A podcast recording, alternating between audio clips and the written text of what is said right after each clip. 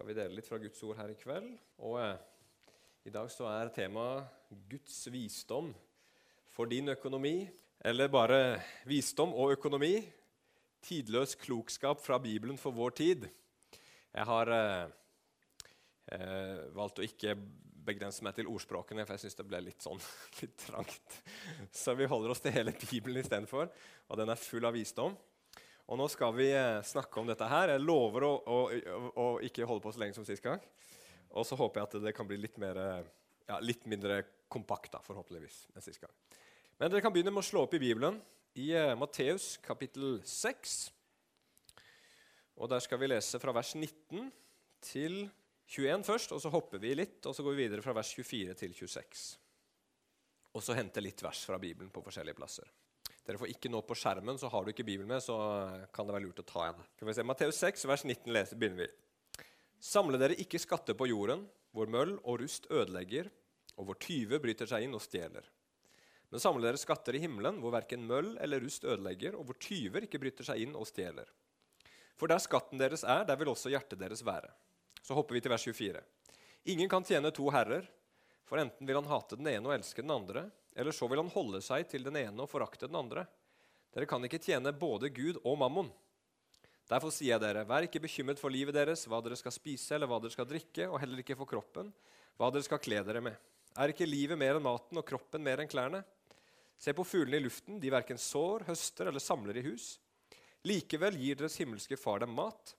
Er ikke dere, er ikke dere av større verdi enn dem?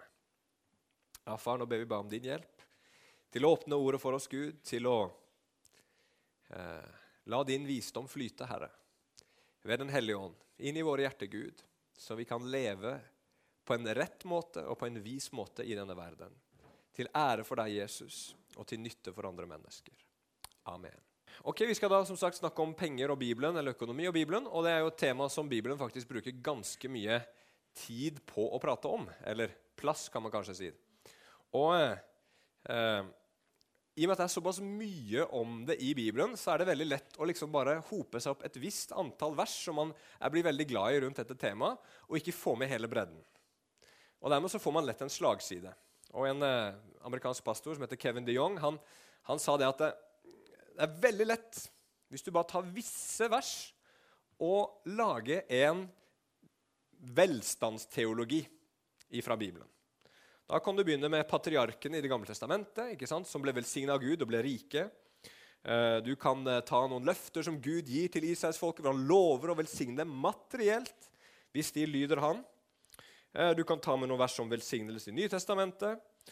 Og konkludere med at Gud han vil at vi skal være rike, og at tegnet på Guds velbehag over våre liv, det er rikdom. Og Sånn var det faktisk jødene på Jesu tid tenkte. Og Det var en av grunnene til at når Jesus sa at det var veldig vanskelig for en rik mann å komme inn i Guds rike, så ble disiplene sjokkert. De sa, 'Hvem kan da bli frelst?' Ikke sant? For i deres øyne så var det den som var rik, velstående, som var velsigna av Gud, og som hadde hans velbehag. Men du kan lese andre vers i Bibelen, f.eks. fra Det gamle testamentet og hos Jesaja, som roper vedrop over de rike, de som legger hus til hus og blir rikere og rikere på bekostning av andre. da. Du kan lese Jesu ord til den rike unge mannen. Gå og selg alt du eier, og gi det til de fattige. Du kan lese lignelsen om den rike mannen og Lasarus, hvor det går bra med den fattige og dårlig med den rike. Eh, du kan lese Jesu bergpreken i hermetegn i Lukas evangeliet, hvor han sier 'Ved dere som er rike'. Og salig er de fattige, sier han. Ikke i ånden, men bare salig er de fattige. Og ved dere rike, sier han. Eh, det vi nettopp leste om ikke samle seg skatter på jorden. Og ikke minst Jakob sitt brev, som har veldig mange eh, formaninger til rike mennesker. Eh, så kan man liksom tenke at rikdom nærmest er en forbannelse og noe ondt. Man må holde seg langt unna. Ikke sant? Så det, det, det som er viktig med Bibelen, det er å ta med alt den sier.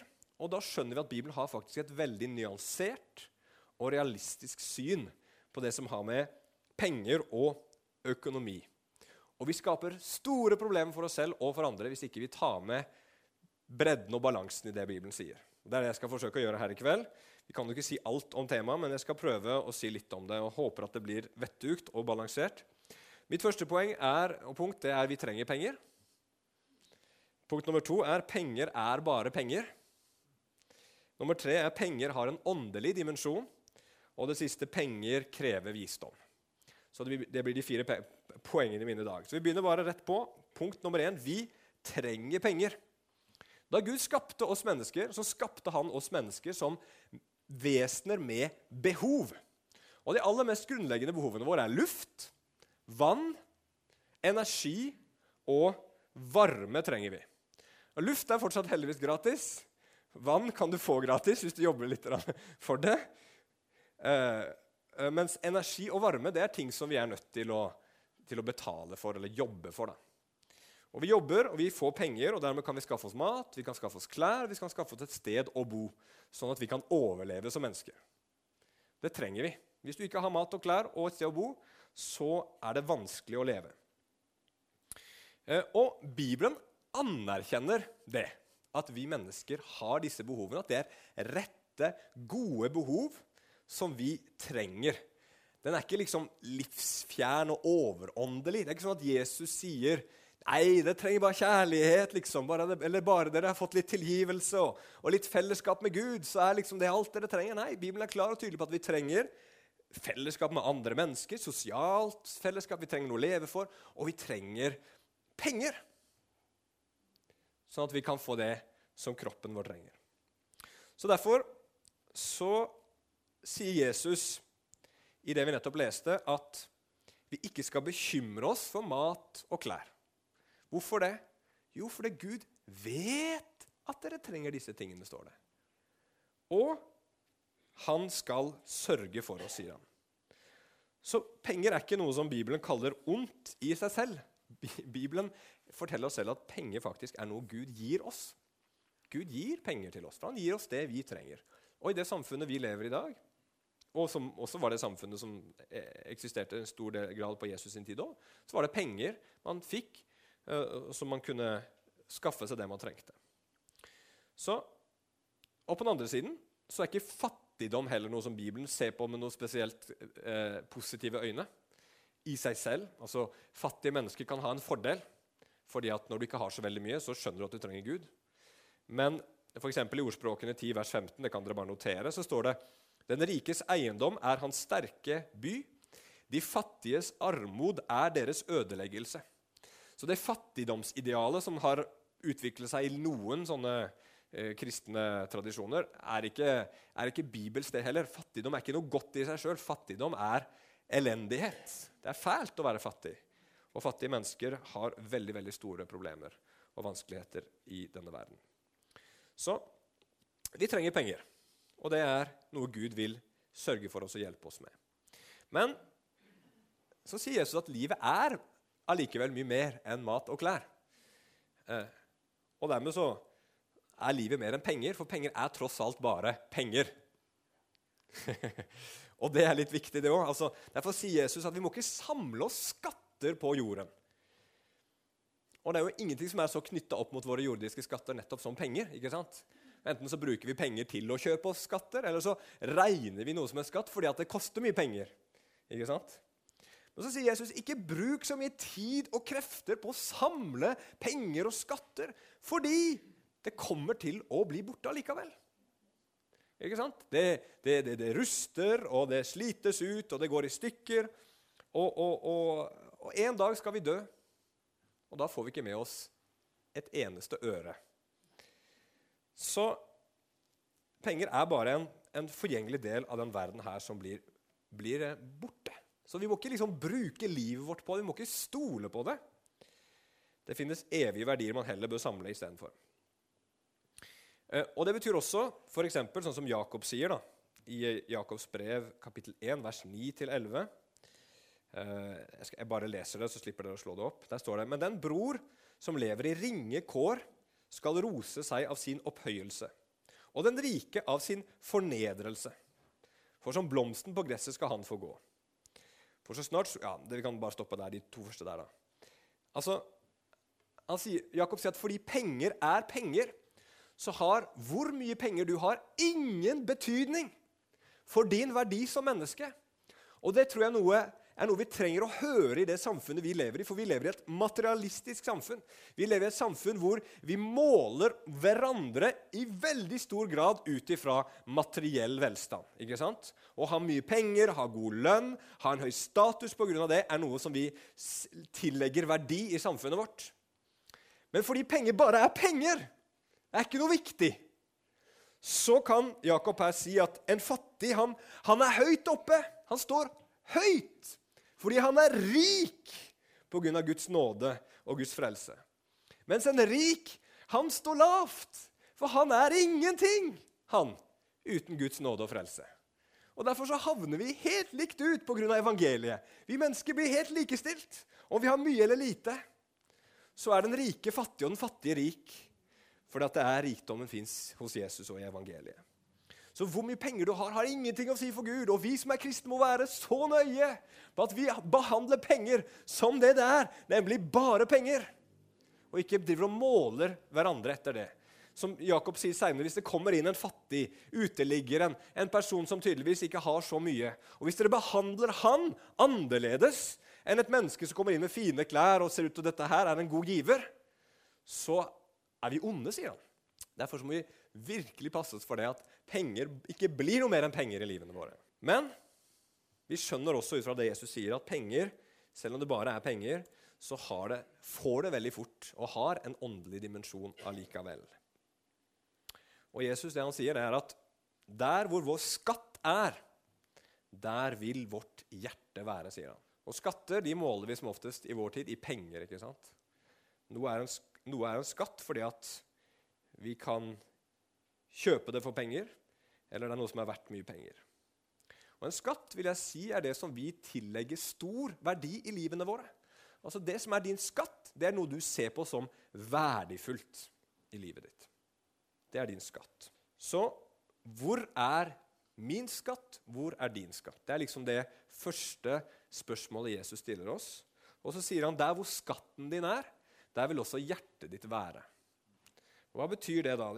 Hjertet i Bibelen er litt, sånn, litt vanskelig helt å fange med en skikkelig god definisjon. Men jeg, jeg ser for meg og tror at kanskje det aller mest bibelske er å si at hjertet er på en måte sentrum av mennesket. Sentrum av deg som person. Og det er det som på en måte driver deg. Hjertet ditt er det som driver deg, det som får deg opp om morgenen. Og hjertet ditt er det som styrer deg og får deg til å ta forskjellige beslutninger i livet ditt. Så hvis penger er din skatt, så vil også hjertet ditt være der. Og så er det penger som får deg opp om morgenen, og så er det penger som får deg til å ta de forskjellige avgjørelsene i livet ditt. ikke sant? Gir dette meg mer eller mindre penger, og så er det det som avgjør hvilket valg man tar. Så, så skatten blir litt som rattet og motoren i en bil. da. Ikke sant? Motoren er det som driver deg, rattet er det som styrer bilen. Så, så det er hjertet i oss. Det er motor og ratt på innsiden.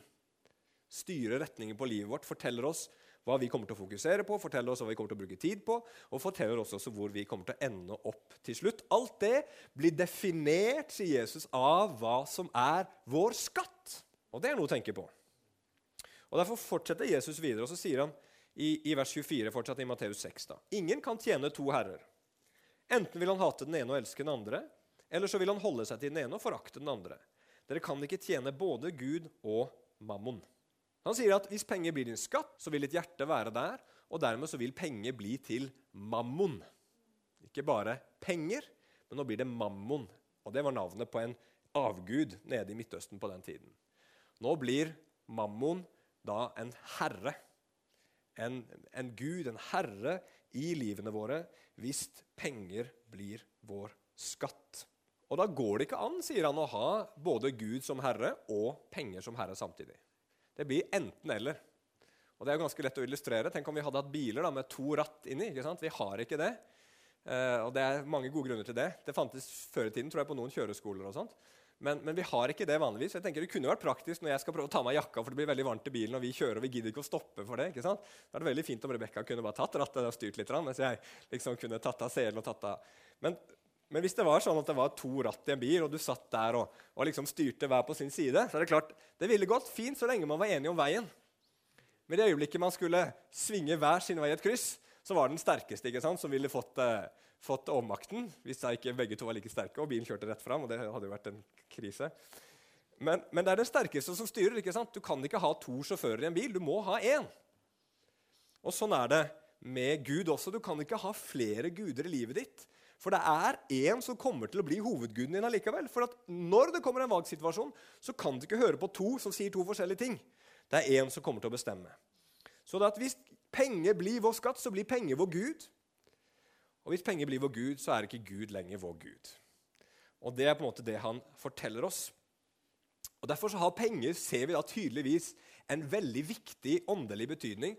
Og, og, kanskje er penger den aller mest vanlige av de avgudene mennesker kan dyrke rundt omkring i verden. Det mente Luther, og det tror jeg han hadde helt rett i.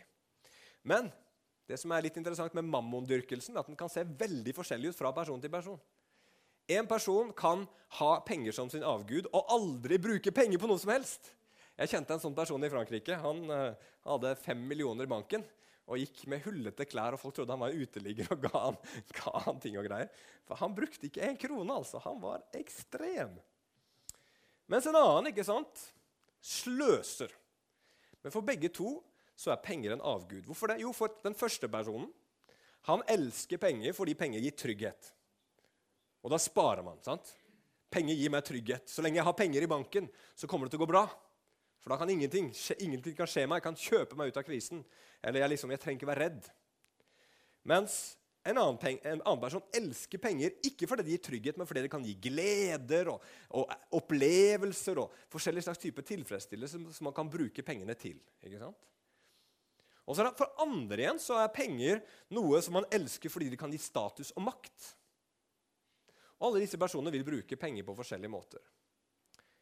Gjerrigknarken, som elsker trygghet, vil spare, spare, spare. Den som elsker liksom alle disse nytelsene pengene kan gi, vil sløse, sløse, sløse, ta opp kredittkortgjeld og det ene og det andre. Men sånne mennesker som er ute etter status og makt gjennom penger, de vil bruke penger litt mer etter hvor mye det fremmer deres status. ikke sant? Noen ganger vil de bruke penger for at det får dem til å virke rike, og de får status og makt. Andre ganger vil de spare penger for de trenger liksom litt ryggdekning, som de kan føle at, at de har status og at de har makt. Så, så, det å dyrke mammon kan se ut på veldig mange forskjellige måter. Men i alle tilfeller så er det penger man elsker fordi at man føler at penger gir noe som man trenger i livet sitt. Derfor så sier eh, Paulus i 1. Timoteus 6, vers 10.: For kjærligheten til penger er en rot til all slags ondskap. På grunn av denne har noen i sin griskhet kommet bort fra troen, og de har gjennombåret seg selv med mange plager. Så kjærlighet til penger, når kjærlighet blir en gud, så kommer det masse elendighet ut av det. Største elendigheten det er at vi elsker noe skapt istedenfor skaperen. Det er den største elendigheten. Og, og, vi bryter det første budet. Du skal ikke ha andre guder enn meg. Og når vi først bryter det første budet og liksom gjør det noen kaller for kosmisk forræderi Altså at han Gud som har skapt oss, som har gitt oss alle ting, som, som har velsigna oss, og som har sendt Jesus for å dø for våre synder, han bytter vi ut mot noen små metallstykker som vi kan putte i lomma vår, eller ha som sedler, eller ha som et tall i banken. Det er en alvorlig synd. Og det er en veldig vanlig synd. Og så, fra det, så kommer det all slags mulige problemer oss mennesker imellom. Altså, penger, Kjærlighet til penger fører til begjær, til misunnelse, til baksnakking. ikke sant? Det er alltid noen De som ikke har så mye, baksnakker de som har noe. ikke sant? Typisk. Og så misunner man de samtidig. Skulle ønske man var en av de. Men så baksnakker man de, ikke sant? Og de som har noe, de, de, er stolte og hever seg over de andre og fryser ut de som ikke er sånn som de. ikke sant? Eh, løgn av alle slag for å få penger eller forlate som man har penger. Tyveri, underslag, you name it. Ekteskapsbrudd. Man forlater en ektefelle pga. dårlig økonomi, eller man forfører en annen som har god økonomi fordi man vil bli rik. og du, du vet alt dette her. Og i, i, verste tilfeller så kan kjærlighet til penger føre til store, langvarige konflikter og drap. Ikke sant? Er, det er ganske, ganske rart, men samtidig veldig normalt. Og det er rett og slett fordi at penger Når penger blir Gud, så blir liksom denne, dette objektet blir på en måte Guds bilde istedenfor at vi mennesker, som virkelig er Guds bilde, får den verdien. Og så blir det viktigere for meg når jeg elsker penger, å få disse pengene enn å behandle mennesker sånn som jeg burde. Da blir mennesker kan bli mennesker en konkurrent, et undermenneske, en fiende eller til og med en djevel i noen tilfeller. Fordi at penger blir så viktig. Penger blir alt. Og så kan man behandle mennesker på grusomme, forferdelige måter fordi penger blir en gud. Nå er det ikke sånn at alle gjør det, men vi ser at alle disse problemene kommer fra kjærlighet til penger. Så det, til, det fører til det siste punktet mitt, at penger krever visdom. Jeg vet ikke hvor mange av dere som hører på U2, U2 ja, og Bono, men han har en sang som heter 'Can't Live With or Without You'. Og sånn er det litt med penger. sant? Vi kan ikke leve uten penger. Vi trenger penger. Men samtidig så er jo penger noe som fører til ganske store utfordringer i livet vårt, fordi det så lett tar mye plass. Og Du trenger ikke være rik for at penger tar mye plass i livet ditt. Også mennesker som har lite, kan tenke mye og elske penger allikevel. Så hvordan i verden skal dette her gå bra? Jo, vi trenger da Guds visdom. Og Til slutt så har jeg bare to, egentlig to punkter da, eh, om, om Guds visdom når det gjelder penger. Og Det ene er Skaff deg penger gjennom ærlig arbeid og sparing. Var ikke den fin? og da kan dere, hvis dere vil, slå opp i ordspråkene 6, vers 6-11. Og der sier eh, Salomo.: Gå til mauren, du late. Se på dens ferd og bli vis. Selv om den ikke har noen fører, noen oppsynsmann eller hersker, sørger den likevel for sin føde om sommeren og samler sitt matforråd om høsten. Hvor lenge vil du ligge, du late? Når vil du stå opp fra din søvn? Få sove litt, en liten blund. La meg folde hendene litt lenger for å hvile. Ja, men da kommer fattigdommen over deg, som en tyv som lusker omkring, og nøden som en væpnet mann. Gå til mauren og bli vis, står det her. Og mauren gjør to ting, sier Salomo. Han jobber, arbeider hardt, for å skaffe seg det han trenger. Og så sparer han til vinteren og når de ikke kan ut og samle mat. ikke sant? Og etter Her ligger det rett og slett en hovedregel som du finner veldig mange steder, spesielt i ordspråket, men generelt i Bibelen òg. Hvis du jobber og sparer til du, det du trenger, og har litt i bakhånd til dårlige tider, så kommer det til å gå godt med deg økonomisk. Du kommer til å ha økonomisk stabilitet og litt velstand. Det er jo sikkert veldig mange vanlige, helt normale økonomer som ville skrevet under på det, men Bibelen sier det også. Nå finnes det selvsagt unntak. Det er liksom en hovedregel. Noen ganger så får du ikke jobb, samme hvor mye du vil. Og Noen ganger så kan du ha spart og spinka og gjort det du skulle, og så hadde du satt alle pengene dine i Kaupting, hvis noen husker den banken, islandske banken som gikk dukken under finanskrisen i 2008. Eh, og da fordufter alt sammen. ikke sant? Men som en sånn generell regel i Bibelen så er det sånn at du jobber og sparer til det du trenger, og sparer for å være forberedt på eventuelle ting som skal, kan skje i framtiden. Det er ikke det samme som å samle seg skatter på jorda. Det er en forskjell på det. Når du samler skatter, så er det skatten som er greia. ikke sant? Skatten jeg vil ha, jeg vil ha. ikke sant? Mens når du forbereder deg, så har det litt med det ansvaret du har ikke sant? som en forsørger for en familie, f.eks. Eh, det, kan ha med at du, du, du, trenger ting for å leve og fungere, og da må vi noen gang spare. Så det er forskjell på de to tingene. Det handler ikke om begjær, men det handler om visdom. Og det er to forskjellige ting. Så det er en bibelsk tanke. Det er ikke en bibelsk tanke som noen veldig veldig svermeriske mennesker har tenkt noen gang, at du liksom skal bare leve i tro, og så skal velsignelsene komme. Nei, det står i Bibelen den som ikke arbeider, skal heller ikke spise. Det sier Paulus. Veldig praktisk. Vi skal jobbe med hendene våre så fremt vi kan. Ikke sant?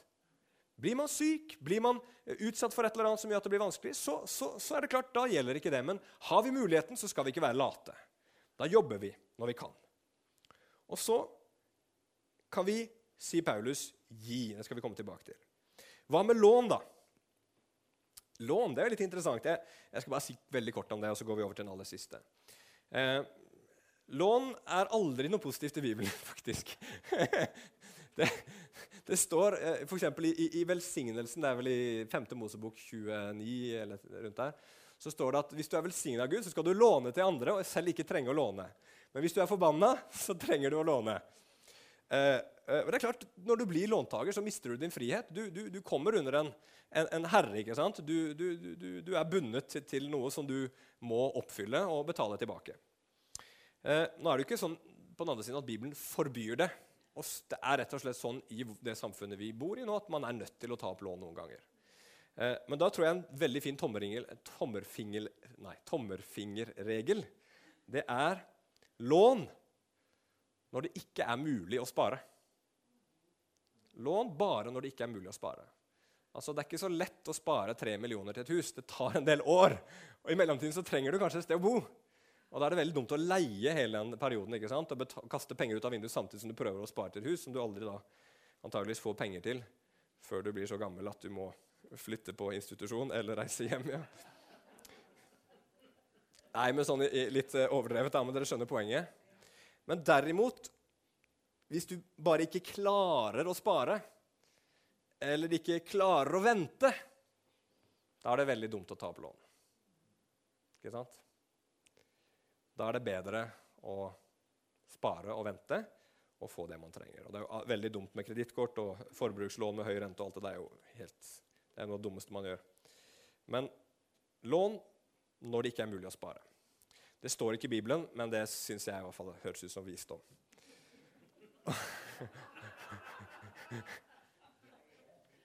Jeg tror ikke det er ubibelsk, i hvert fall. Ok, Siste, eh, siste da under dette punktet penger krever visdom, det er 'bli en giver'. Og Nå har vi bare et par minutter igjen, men jeg skal bare lese ett vers to vers fra ordspråkene. Først er det ordspråkene 3, vers 19. Og så er det ordspråkene 19, vers 17. Ordspråkene 3, vers 19, der står det Gi Herren ære med det du eier, og med førstegrøden av hele din avling. Så skal dine lagerhus fylles til overflod, og dine vinkar skal flyte over av most. Og så ordspråkene 19, vers 17. Den som er velvillig overfor den fattige, låner til Herren, og han skal gjengjelde ham for hans gjerning, står det der. Så hvorfor gir vi? Bibelen oppfordrer oss til å bli en giver. Det er masse vers både i Det gamle og Nye testamentet som oppfordrer oss til å gi. Enormt. Og det er jo så klart for det første for at det er en del av det å ha Gud som sin Gud. Og det frir deg fra pengeguden. Gud har gitt oss alt det vi har. Han har gitt oss så mye. Og så gir vi tilbake til ham da sier vi, Gud, det er deg vi stoler på. Vi stoler ikke på lommeboka vår eller, eller staten eller bankkontoen. Vi stoler på deg, og vi vil gjøre det du sier. Vi vil gi. Min trygghet ligger ikke i mine penger. Eller min glede er ikke i mine penger, min glede er i Gud. Min verdi er ikke i penger, min verdi er i Gud. Ja, Penger er på mange måter en del av livet vårt. ikke sant? De representerer tid, krefter som du har investert i hardt arbeid, og så har du fått penger for det. Og så sier du, 'Gud, dette er en del av mitt liv. Det gir jeg tilbake til deg.' Og akkurat det med å gi som en tilbedelseshandling, det er en veldig konkret og veldig frigjørende måte, tror jeg, å tilbe Gud på, men frivillig av hjertet. Ikke fordi noen står der med pisken, og liksom, da blir det ikke en gave, da blir det et eller annet annet skatt eller liksom eh, ran, i verste fall.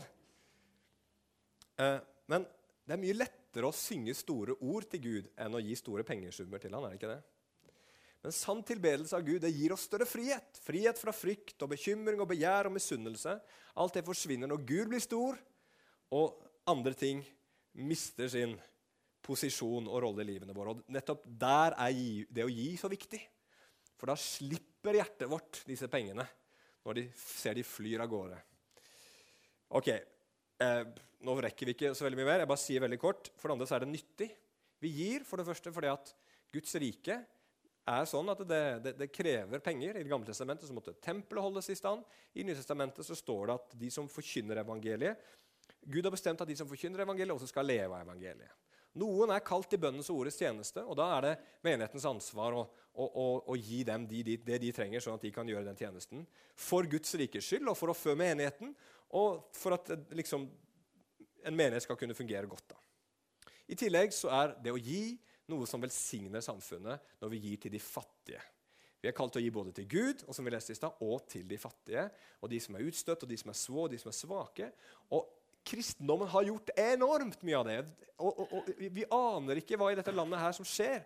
Nå som all den frivillige innsatsen forsvinner i landet, og mer og mer blir lagt på staten. Det kommer til å bli et kaldere samfunn, det kommer til å bli et hardere samfunn. Og, og det kommer til å koste mye mye mer og bli mye dyrere å hjelpe de svake og de utsatte. Og så kan vi bare si det siste her. Det å gi til Gud, det gir velsignelse. Og Det leste vi begge disse versene. som vi så. Når du gir, så sier Gud, 'Jeg kommer til å gi deg mer'. Du kan aldri gi mer enn Gud. Det går ikke an. Det sier Bibelen så klart og tydelig. Så Derfor kan vi frimodig gi.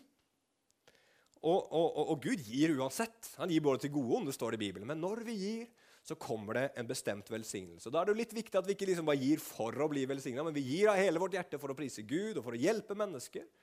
Og så elsker Gud en glad giver, står det. Og den som har sådd eh, med, Den som har sådd med Hva står det? Den som sår sparsomt, skal høste sparsomt. Den som sår rikelig, skal høste rikelig. Enhver skal gi slik han har bestemt seg for i sitt hjerte, ikke motvillig eller av tvang. For Gud elsker en glad giver. Det er 2. Korinterbrev 6. Eh, unnskyld, 9, 68. Og Gud er mektig til å la all nåde komme til dere i overflod, så dere alltid og i alle forhold skal ha nok av alt som trengs, og kan ha overflod til all god gjerning. Amen. Herre, vi bare takker deg fordi du har gitt oss noe. Vi er bare forvaltere, Herre. Vi, vi eier egentlig ingenting, Herre. Det er ikke noe som vi har som vi ikke har fått av deg, Gud, og som vi en dag må gi fra oss, Gud. Men Herre, vi takker deg, for du har velsigna oss rikt. Og bare hjelp oss, Herre, til å se at du, Jesus, ble fattig for at vi skulle bli rike. Og bruke den rikdommen og velstand du har gitt oss, Herre, til å ære deg med, til å bidra til at ditt rike når langt ut gjennom misjon og, og, og, og, all slags mulig innsats for ditt rike, Gud. At vi også er med og hjelper de som er utsatte, de som er sårbare, de som er svake, de som ingen ser og ingen bryr seg om. Herre, hjelp oss til å være givere, slik som du er en stor og god og, og, og barmhjertig giver, Herre. I Jesu navn. Amen.